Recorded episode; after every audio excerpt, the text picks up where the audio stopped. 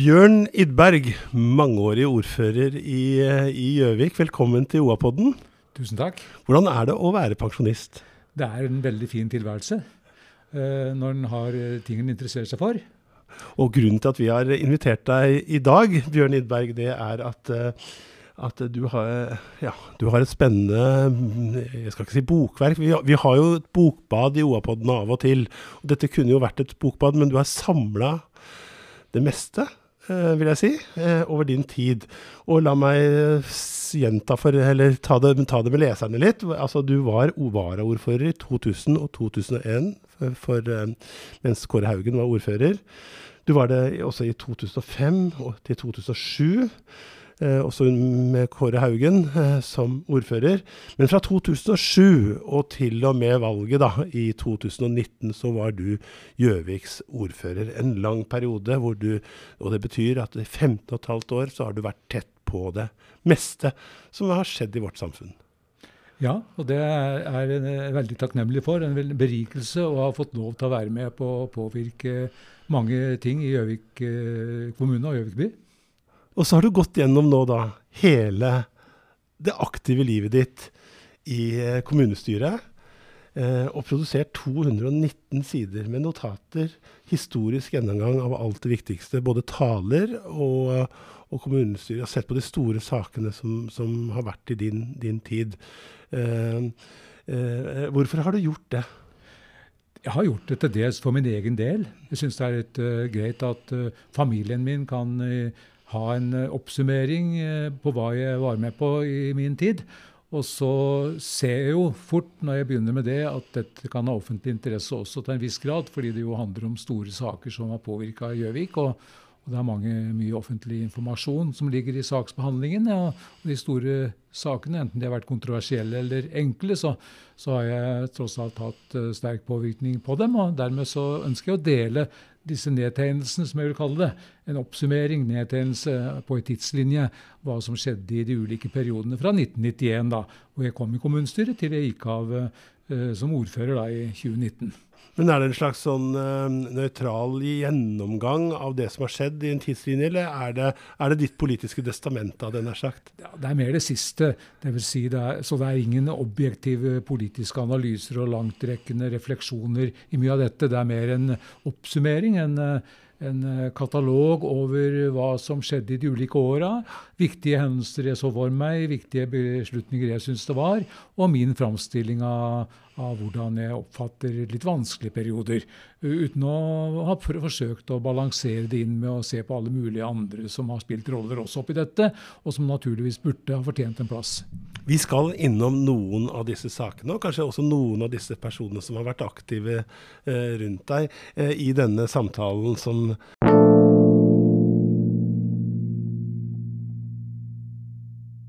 Når du har gått gjennom dette her, er det én sak som du vil si står fram som den aller viktigste. Ja, det viktigste saksforholdet uh, er nok det såkalte ATP-arbeidet, altså areal- og transportplanlegginga i byen, som vi satte i gang i 2008. Eh, som et samarbeid mellom Statens vegvesen og fylkeskommunen. Hvor vi jo bit for bit var enige om at de og de tingene burde gjøre Gjøvik til mer i by. Og starta da med alt fra Storgata til skysstasjonsområdet, til opprusting av Strandgata, til parsellene som nå er ferdige i Hans Mustads gate osv. Og, så og det fortsetter jo fortsatt. Og, eller de siste elementene er ennå ikke på plass. Mm, mm. Hva Innafor dette samarbeidet, er det ett element der eh, som, som, du, som står der i dag, som, som, ikke hadde vært der hvis vi ikke dette samarbeidet hadde Ja, jeg tror kanskje flere av elementene. I hvert fall eh, det som nå har skjedd i Strandgata uh, i sin helhet, hadde ikke skjedd i det omfanget, i hvert fall. Mm. Fordi vi hadde ikke hatt muskler til å, til å klare det alene, og hadde kanskje ikke fått velvilje til å gjennomføre det med andres hjelp uh, hvis ikke vi hadde hatt dette tette samarbeidet og felles perspektivet på Gjøvik, hvor viktig Gjøvik er når det gjelder byutvikling. Mm. Og Det samme gjelder jo Hans Mustads gate. Hadde nok heller ikke vært slik. og, og Eh, det er eh, byrommene i Gjøvik eh, tror jeg hadde fått en helt annen oppmerksomhet hvis det ikke hadde vært for all tenkning og alle planer som ble lagt i forbindelse med ATP-arbeidet tidlig i denne prosessen fra 2008, 2008. Mm, mm.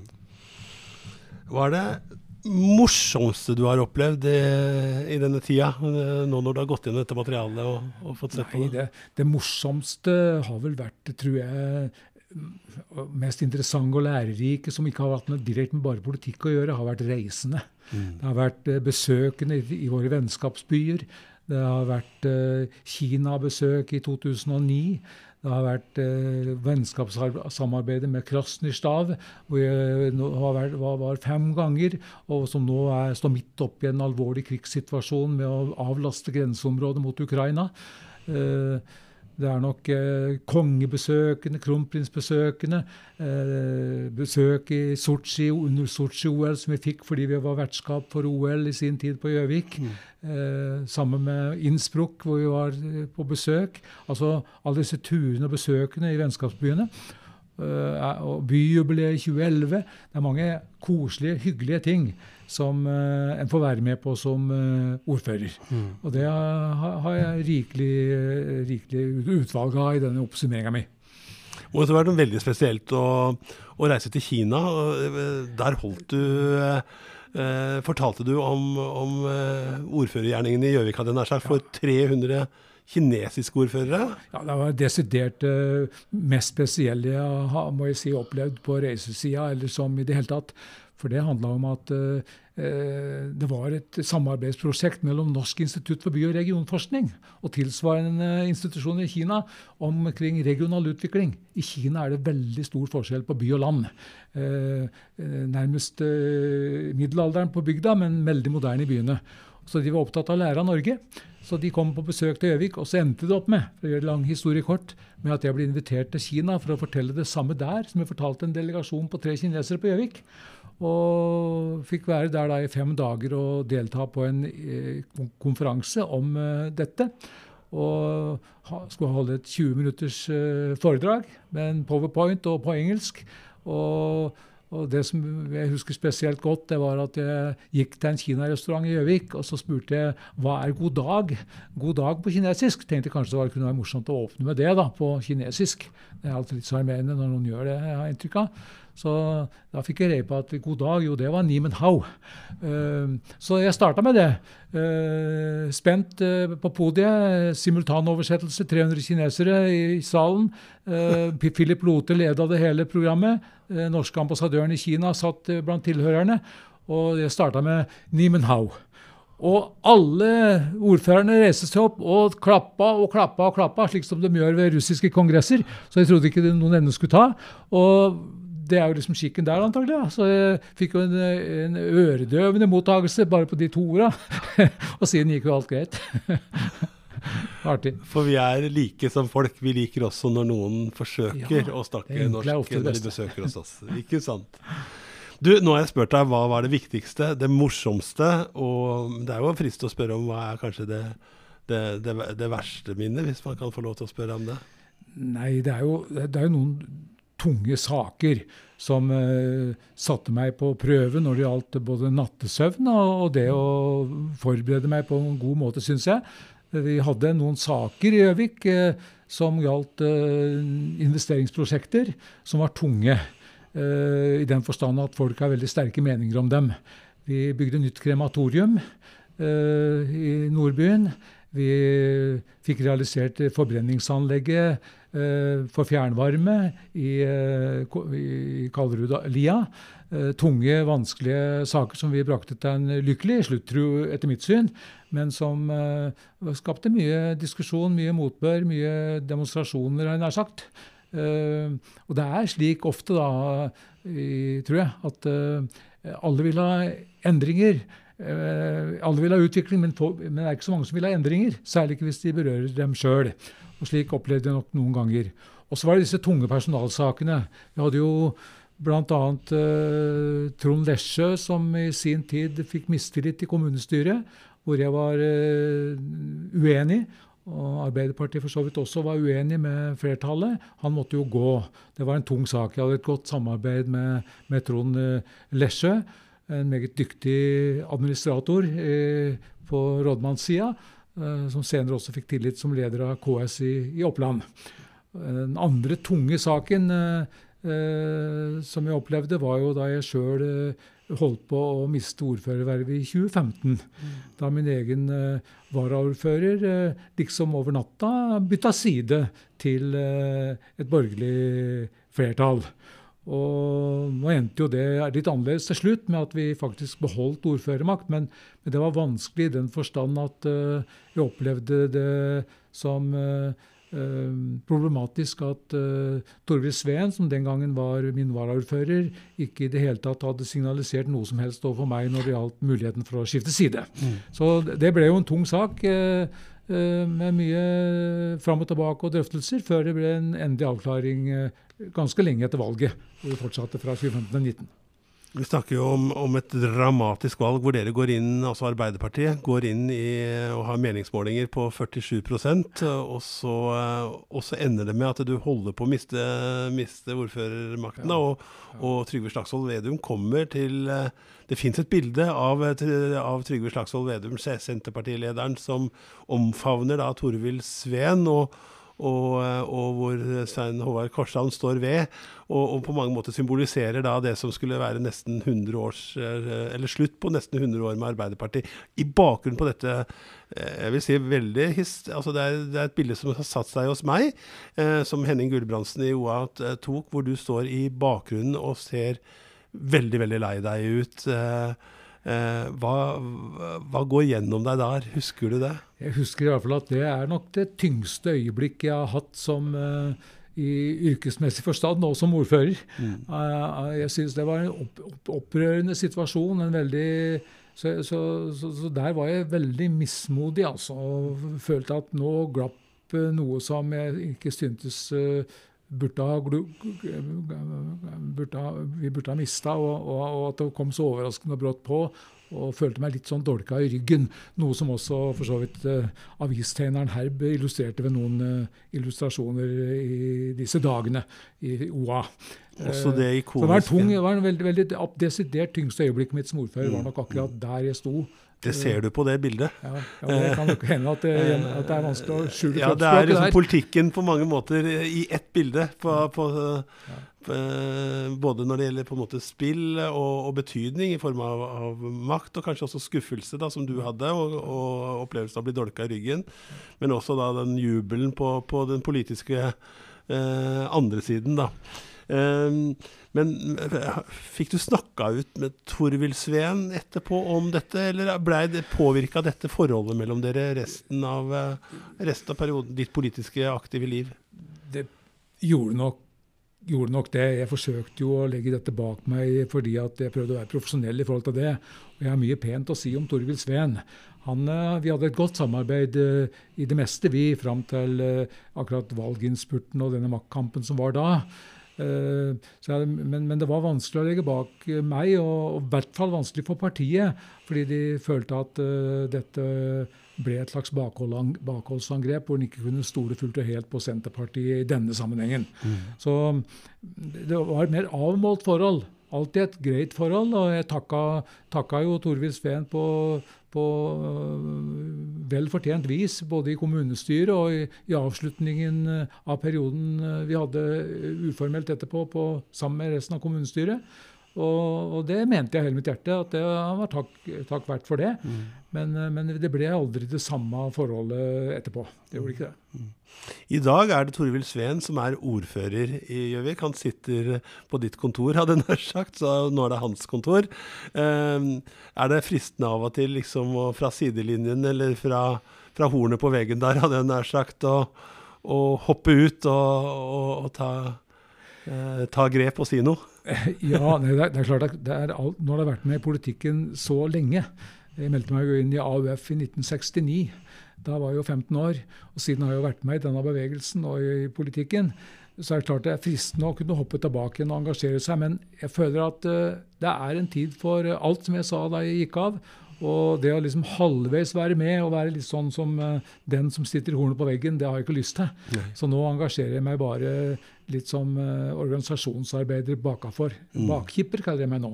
Uh, den er ikke særlig sentral på banen, men litt med bakafor. Nei, men Det går rykter som når redaksjonen i OA, i fall, at du har både innlegg og, og reiser rundt i, i, i lagene. og og, har, eh, og, er ganske aktiv liksom på ja. ja. Litt grann aktiv med organisasjonsarbeid. fordi at det arbeidet mener jo jeg alltid i Arbeiderpartiet, eh, men også ikke minst i andre partier, er undervurdert som eh, betydningsfull for å lage politisk grunnlag for rekruttering og for, for gjennomtenkte, samlede standpunkter i partiene.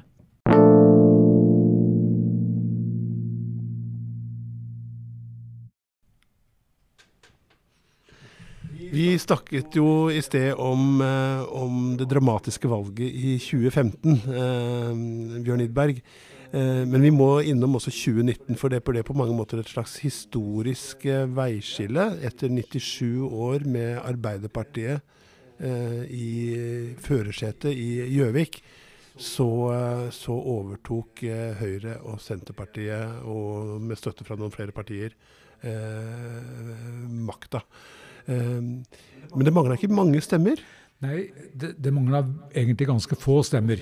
Nå må tallet sjekkes, men det som er blitt meg til del der, er at det mangla sånn ca. 200 stemmer, med forbehold om at det kan ha vært eh, pluss-minus det, da.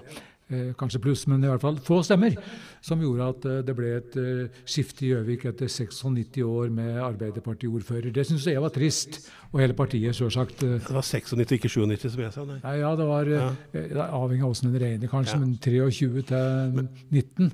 Men hva gikk galt? Nei, det var antagelig en kombinasjon av flere ting. Det har bygd seg opp en bygd seg opp en, eh, en, eh, sterk vilje til å skifte ut Ap-ordfører i Gjøvik. Apropos det dramatiske valget i 2015, og, og, ikke helt lette valg før heller, hvor vi har vært avhengig av støtte alle år etter periode. Det var rent flertall i 1995 til 1999.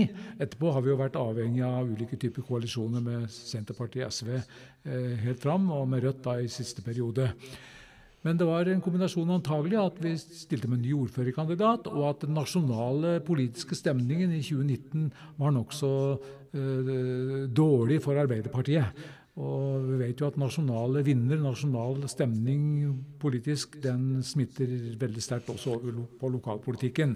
Så kombinasjonen gjorde nok at det var det lille som skulle til for at uh, Arbeiderpartiet da mista ordførermakt. Til tross for at vi hadde en veldig dyktig, og har en veldig dyktig Eh, ordførerkandidat eh, i Even Solhaug.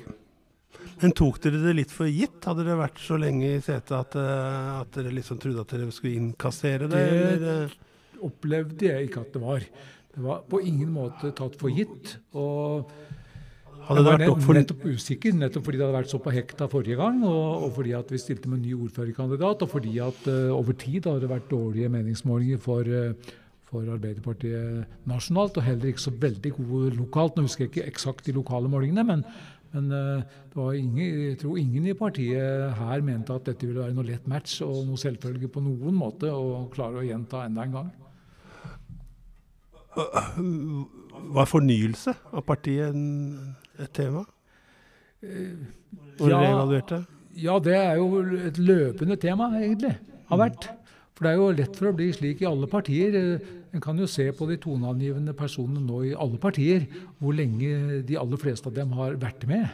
Eh, så i Arbeiderpartiet ikke minst så er det også slik. Og, og det var et tema, men, eh, men, det å få rekruttert inn nye, kanskje ungdommer, eh, folk med litt annen bakgrunn enn enn fra offentlig sektor, jeg sagt. Det er en utfordring i alle partier, og, mm. og det er litt bekymringsfullt faktisk. For, for at politikken fortjener jo egentlig de beste og mest engasjerte menneskene med. Og, og de som er med, er nok engasjerte, men uh, utvalget av mennesker når det gjelder deltakelse, burde ha vært større. Og En jobber jo med det nå i alle partier, og ikke minst i Arbeiderpartiet for neste valg.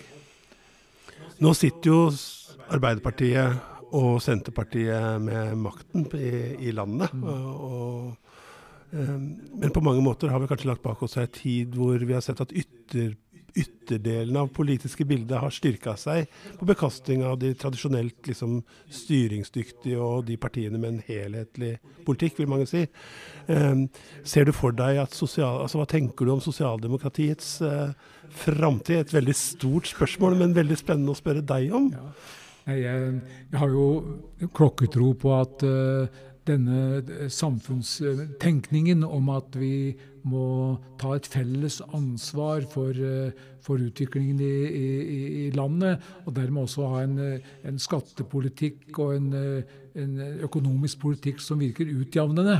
Jeg har jo tro på at det er det folk flest vil se på at er styrken, og ser på og vet og har erfart at det er styrken ved det norske samfunnet. Forskjellene er dessverre i ferd med å bli nokså store økonomisk også i Norge. Og de er altfor store, eh, etter mine begreper. Eh, ikke minst lønnsutvikling på ulike grupper. Eh, så er det blitt meningsløse forskjeller mellom enkelte ledernivåer og, og vanlig, enkelt, normalt arbeid. Da. Så, så, jeg har tro på at Og det slo til en viss grad igjennom, er mitt inntrykk fra siste stortingsvalg. At den, det hadde en appell, dette med med, med slagord til Arbeiderpartiet, selv om det har blitt vrengt og vridd på i alle retninger da, med at nå er det vanlige folks tur, så ligger det der et, en, et samfunnssyn som går på at uh, en ikke først og fremst skal til, uh, til, tilgodese de som har mye makt og mye penger. Nå er det på tide å vri fokuset mot at uh, den alminnelige lønnstaker, den alminnelige inntekten, det alminnelige arbeidet, må bli verdsatt mer. Eh, jeg, jeg, tror at det jeg, jeg, velger å tro at det fortsatt har en appell i Norge. Mm. Så vi får se da, hvordan det utvikler seg videre. Men, eh, men akkurat nå så ser det ikke så veldig, veldig lyst ut. Det står litt bedre meningsmåling for Arbeiderpartiet nå sist. da. Men det varierer jo mellom 20 og 25% så det er ikke alle hverdager å rope hurra for for et parti som har vært vant til å ha en viss oppslutning.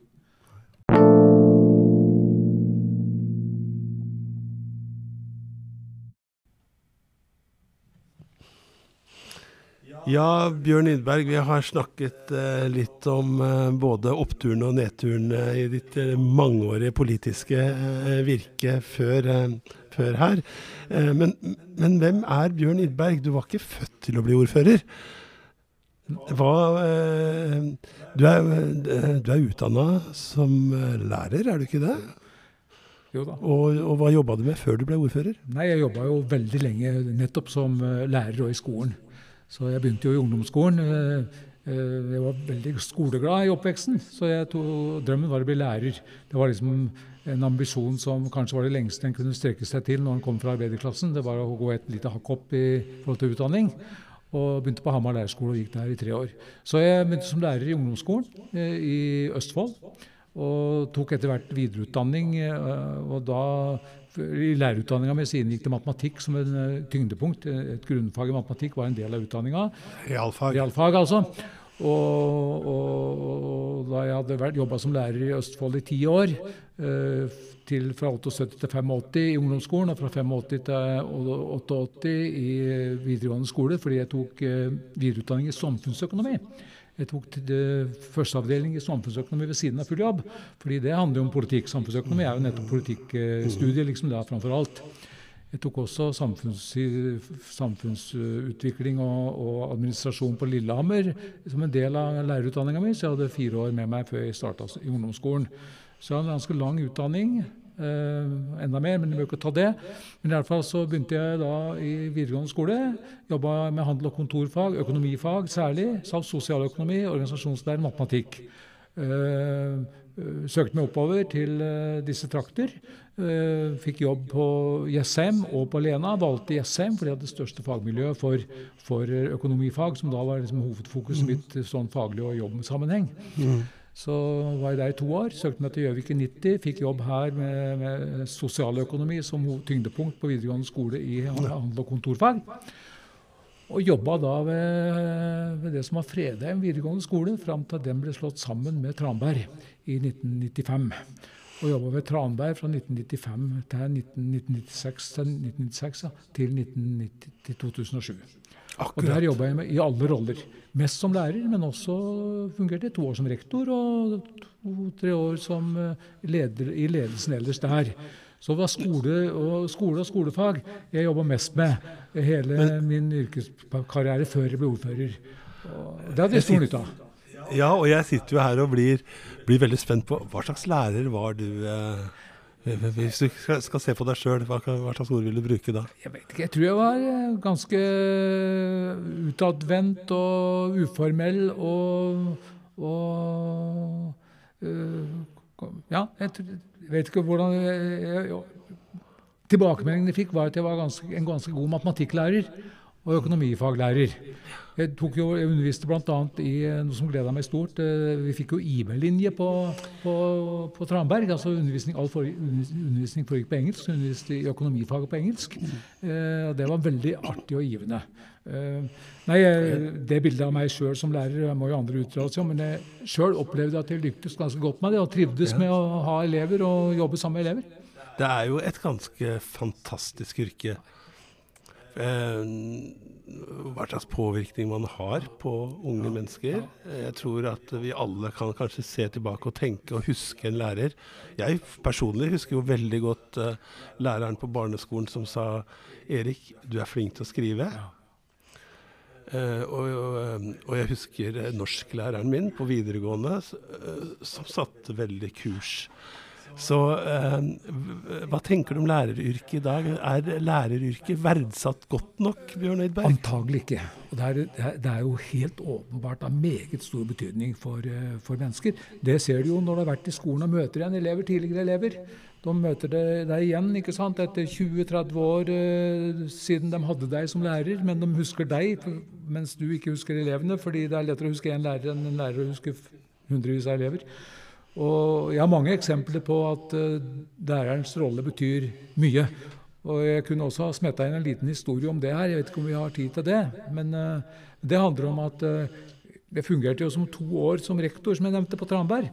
Og der hendte det at det var, var elevkonflikter. Og, og, og, da måtte rektor ordne opp, da. Fikk uh, kumpanen inn på kontoret sitt og måtte snakke dem til rette eller prøve å finne ut av dette. Og det var én episode, kort fortalt, det hadde vært eh, tilløp til knivstikking eh, mellom to eh, gutter. Og han ene, som jo var hovedmannen, han fikk en tok jeg meg av på en spesiell måte, hadde en skikkelig samtale med han. Lurte på hva han tenkte om framtida si, og hva han ville bli her i livet. Og, og mante litt til at uh, han hadde to valg nå. Det ene var å fortsette på denne galeien, eller så var det å ta seg sammen og, og, på en måte få skikk på livet sitt, for han hadde vært borti en del konflikter før. Så endte det opp med og den samtalen husker jeg ikke gjennom mer av.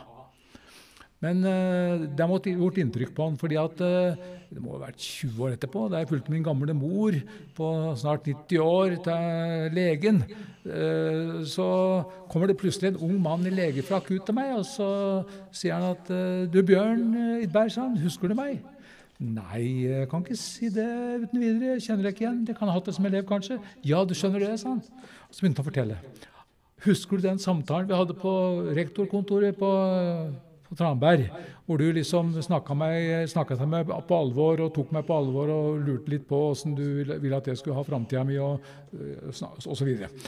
Og den samtalen ble helt skjellsettende for meg, sånn. Fra den dagen så bestemte jeg meg for jeg skal konsentrere meg om skolearbeidet. Jeg skal gjøre en god jobb, jeg skal få en ordentlig utdanning. Og det endte opp med at jeg nå er jeg ferdig utdannet som lege og er nå turnuslege på Dokka. På omsorgssenteret på Dokka.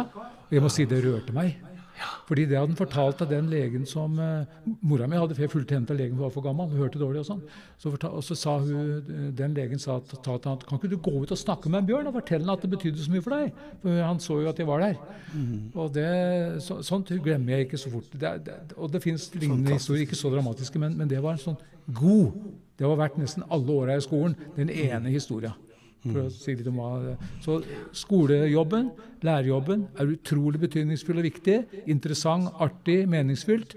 Og lærere, de, de, de burde absolutt verdsettes enda mer. Ikke nødvendigvis bare i form av lønn, men kanskje i form av enda bedre vilkår rundt det å kunne etterutdanne seg, kunne, kunne fungere i, i hverdagen med med å få tida til å gå opp og ta seg av elever. Mm.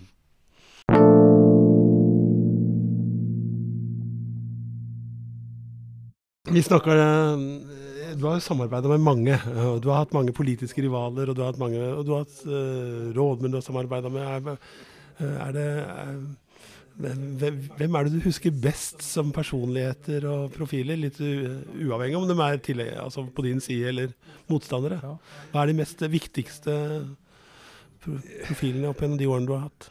Ja, det, det er jo selvfølgelig foruten per, sentrale personer i eget parti, som uh, Even Solhaug, som har vært med i årtier og vært så kunnskapsrik og vært så, så dyktig til å, bidra. Han var regnesentralen din, eller, eh, eller datadisken din? Ja, han er, han, Sa han litt sånn humørfylt? Han er veldig, han er veldig, veldig flink og go, har vært veldig god, god, god, å ha i alle år. Og, og en del andre i partiet som har vært dyktige og flinke. Eh, Kari Blegen, som jo var rådmann, men som også, eh, og som var tydelig sosialdemokrat, som også ble statssekretær hos Gro Harlem Brundtland, men som også var partileder på Gjøvik etter å ha ble kasta av Gjøvik kommunestyre, så fortsatte jeg politikken som leder av Gjøvik Arbeiderparti. Eh, og var jo en kjemperessurs for partiet en liten periode. Eh, så det er mange i eget parti, jeg kunne ikke ramse dem opp. I, i andre politiske partier så har vi hatt et konstruktivt eh, forhold med, med flere personer i, periode, i, lange perioder. Eh, det være seg i, i Senterpartiet, hvor jo hadde Senterpartiet varaordfører i to perioder. Både Sveen sjøl, som er nevnt, og, og, og Lise Hammerud. Eh, et godt og greit samarbeid. Roliggjorde veldig godt samarbeid med som varaordfører eh, i den perioden. Litt sånn konfliktfylt var i periodene før, hvor han satt i kommunestyret som enslig representant for Rødt og var veldig kritisk til det meste den gangen. Og hadde nok noen klinsjer og noen uenigheter i enkelte saker. Eh, Dere vant hverandre litt ja, ja, vi, i et godt samarbeid? Vi ble i grunnen ganske gode samarbeidspartnere. Vi fant ut hvor vi skulle være uenige, og hvor vi var enige. Og der vi var enige, så var vi veldig konstruktive med hverandre, syntes jeg, da. Mm. Uh, og så hadde jeg jo veldig sterkt forhold til, til, til rådmenn. Jeg syns alltid det var viktig å ha et godt samarbeid med rådmenn. Være bevisst på rolla, men prøve å utnytte det beste av det administrative apparatet gjennom rådmannen. Når det gjaldt å fremme saker, komme med innspill, faglige utredninger. Så både Trond Blesjø som jeg samarbeida tett med fram til han gikk av, og Magnus Mathisen. Og jeg si hadde et særskilt godt forhold til begge to. Mm. Og sett, satt veldig pris på det, det, den tida der. Og mange andre i administrasjonen som vi samarbeidet med. Hva vil du trekke fram eh, Magnus Mathisen, som jo var ja, eh, den han siste Han syns jeg var en veldig flott ressurs for Gjøvik kommune. Mm. Eh, veldig opptatt av næringsutvikling.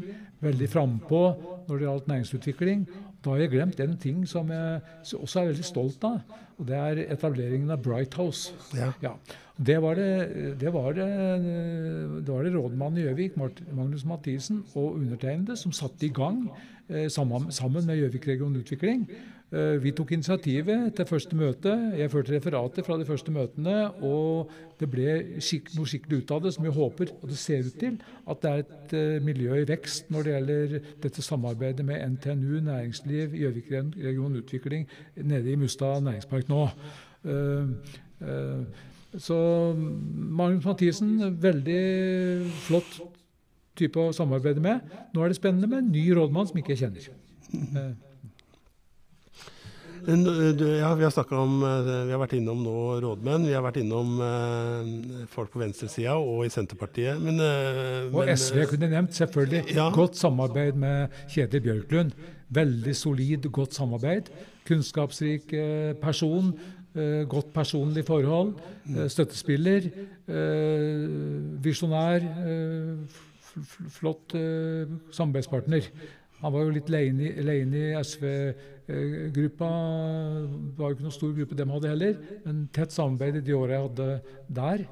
Uh, hadde også vennskapelig samarbeid med, med Høyre og KrF og, og Venstre-politikere. Vi satt jo i formannskap sammen, og vi, vi var jo gode venner. Uh, både Mest markante politikeren og motstanderen du eh, hadde på den sida der, da? Nei, det er vel eh, Svein Håvard Korsham ja. som var mest uh, markant på opposisjonssida i alle år, og som uh, ved flere anledninger jo forsøkte uh, å samle Høyre og andre partier for å stoppe denne lange, lange, lange ferden med Arbeiderparti-ordfører. han er jo en utmerket debattant, sterk retoriker og, og, og, målbevisst når det gjelder å få til det han sjøl mener er riktig. Nettopp. Så han, han var en, ja, en tydelig ty- ty- tydelig profil på, på, på, på høyresida, ja. Og vi samarbeider godt med, med, med Høyre når det gjaldt uh, f.eks. det at eh, jeg som en av få ordførere i vår region er, er fortsatt tilhenger av en storkommune, i en, en stor og sterk eh, Gjøvik regionkommune. Der var vi veldig enige og samspilte positivt. Mm. Tilsvarende samspilte vi positivt også med, med Anne Bjertnæs når det gjaldt s- sykehusspørsmålet. Så vi hadde mange saker vi hvor vi også samarbeidet godt. Og så, men det er klart at når det gjaldt i helga ved valg og valgkamper, så kom jo forskjellene tydelig fram. Ja. Og Du følte at det var, Korshavn var den store strategen, eller spiller, spilleren på høyresida? Ingen tvil om det. Det gjaldt både i forbindelse med det litt dramatiske som skjedde i 2015-valget, etter 2015-valget, og det gjaldt eh, da Trond Lesjø eh, måtte gå i 2013, var det vel det? Ja, at, at han var hjernen, hjernen absolutt, liksom i absolutt. 2015? Den som holdt det hele sammen, da, og sørga for at det skjedde noe. Forholdet til, til media, Bjørn Idberg, hvordan har du opplevd eh, det? I det på, All det? hovedsak positivt, vil jeg si. Jeg har hatt mye dialog, samtaler, intervjuer, kronikker. Alltid blitt uh, tatt, tatt inn når det har vært snakk om meningsytringer på kronikkplass eller ytringsplass. eh, og har sjøl ringt til avisa når jeg føler det er viktige ting å formidle, og, og hatt gode samtaler og fått fine oppslag. Så i all, all hovedsak så har det vært positivt. Og så er det noen få anledninger ikke sant, hvor vi hvor, eh, av ulike grunner. Kanskje jeg har vært litt uklar. Kanskje eh, fortolkningene da har blitt slik at jeg har måttet gå ut og være kritisk mot avisa. eh, og kanskje ikke tilsvarende kritisk mot meg sjøl alltid, men jeg har i hvert fall tatt opp det spørsmålet på nytt. Og det har vært noen oppryddingsrunder ved et par anledninger. Det har gjeldt ved, i forbindelse med både sykehussak og i forbindelse med storkommunespørsmål og, og litt grann. og men det er ikke veldig mange episoder, så når du tenker at jeg har vært med i, eh, som aktiv uh, uh, skribent eller lesebrev eller, i så mange år, så er det veldig få anledninger hvor det har vært klinsj mellom avisa og, og meg.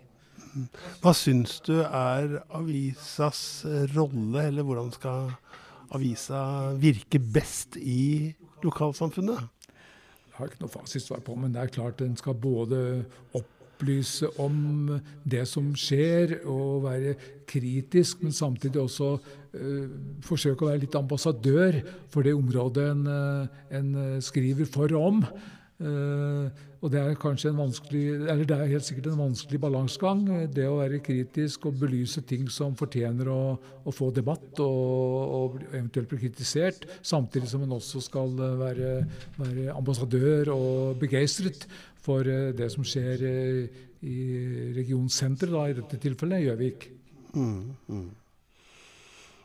Syns du er nok, eh, skriver nok om Gjøvik? Vi skal jo liksom dekke 14 altså Nå snakker vi om Oppland Arbeiderblad, men ja, 14 kommuner. Vi skal jo på mange måter dekke, dekke hele Vest-Oppland, og samtidig være både en stemme inn mot, eh, eller ut mot resten av samfunnet. Og, og samtidig og både være lim og lupe, som du sier. Men, men jeg, nei, jeg har nok inntrykk av at den, eh, mitt inntrykk er nok at Oppland Arbeiderblad dekker Gjøvik eh, ganske godt, og, og Gjøvik-regionen.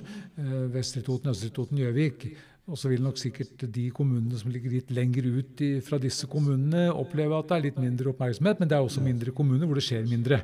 Så jeg, jeg tror jeg har funnet en brukbar balanse på spalteplass eh, mot Gjøvik og Gjøvik-regionen. Ja, tror jeg.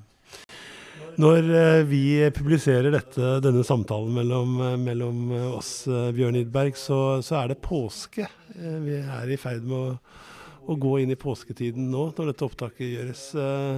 Hva betyr den høytida for deg? Den er nok eh, Som før så blir, blir det til at en synes helger og påske og høytider er liksom like mye på en måte ferie som det var den gangen du var i full jobb, full jobb. Så, så i påska, påska betyr egentlig familiesamvær, betyr gode måltider, det betyr mye friluftsliv ute på enten ski eller å gå tur på andre måter. Lese romaner, se på kri, påskekrim, altså tradisjonelle eh, ting som folk flest gjør antagelig. Eh, jeg har ikke noe religiøst forhold til påska. I det hele tatt så er jeg ingen religiøs mann. Det er eh, vel det nærmeste en kan komme en, eh, en slik agnostiker, som vi kaller. En som verken tror det ene eller det andre, men gjør så godt den kan her i livet. En drømmepåskedag for deg, da. Hvordan ser den ut? Den er vel slik at den starter med kaffe på senga eh, til kona. Det er alltid jeg som er oppe først. Og så er det å lage seg en god, god, frokost, og gjerne da en omelett eller noe med egg eller noe som er litt godt. Og så er det å komme seg ut i, i, i, på en tur. Pakke ryggsekken og gå på ski, eventuelt eh, helst, eller gå på beina. Og så er det å, på ettermiddagen eh, lage seg en god middag, gjerne en påskemiddag, gjerne påskelam på påskeaften. Eller, og så er det å se på, se på, lese en god bok. Eventuelt eh, kombinere det også med å se på en krim eller se på en, en serie. Det er jo så mange serier som går nå som er interessante og lærerike på mm. NRK og andre, andre sånne strømmetjenester. Men du nevnte hest, det var ikke jeg klar over. Nevnte Hest? Sa du det, eller var det jeg som hørte feil? kanskje? Nei, jeg sa ikke det. Nei, Hest har jeg, dårlig, har jeg ikke noe særlig forhold til. Nei, da, Men jeg eier andel i en travhest. Det fikk jeg også. Gjør du det? Det, men ja, du skjønner at Du spiller ikke på hest? Nei, nei. Det kan jeg ikke tenke Nei, jeg gjør ikke det. Nei, jeg er jo ikke en hestemann, men jeg, du skjønner at eh, jeg fikk jo som en del av arrangementet på 25-årsjubileet for Vikodden eh, traveforbund, så fikk jeg overrakt en andel for en hest. Som en, en, eh, viss andel. Det var en gimmick, selvfølgelig. Så det bildet av den hesten hadde jeg jo Det har jeg jo ikke ennå, men det, det var jo på ordførerkontoret i flere år. Og det, det, den andelen eier formelt enda. En, eh, en 200 og et eller annet del. Hvor, jeg, hvor, du skal betale så og så mye andel i kostnader for fôr, og, for, Mm. og så får du så og så stor andel for premie. Ingen av delene har i grunnen kommet meg til del, men ja, det var sidespor. Ja. Nei, hesten Ja, jeg, jeg jeg satt og lurte på hvordan vi kom oss ut igjen av dette nå. Jeg lurer, jeg lurer på liksom, om, om, det, om det politiske dyret, Bjørn Lindberg. For det, du er jo like politisk engasjert antagelig som det samfunnsengasjerte mennesket du er. Jeg, jeg følger jo med, og jeg er jo med, som jeg nevnte vel tidligere, Ja. i Arbeiderpartiet. Men, eh, men jeg er ikke så aktivt med i utadrettet virksomhet. Men nå har du oppsummert eh, dine mange år, 15 15 år i, helt sentralt i manesjen. Eh, et skriv, eller en, et testamente, som, eh, som nå skal både bli, eh, bli familie, men også historielag og, alle, og andre. Oppland Arbeiderplass arkiver også eh, er vi blitt enige om, til, til del. Og det tenker jeg er viktig, kanskje viktig at, eh, å, å etterlate seg historie. Eh, slik at vi kan, eh, kan, studere den og lære av den. Og, og, og, jeg er veldig glad for at du tok deg turen hit og til denne samtalen eh, med oss, Bjørn Itberg. En riktig god påske til deg. I like måte, og takk for at vi fikk snakke sammen, selv om dette antakelig ble litt usystematisk fra min side. det, all, det ansvaret tar jeg.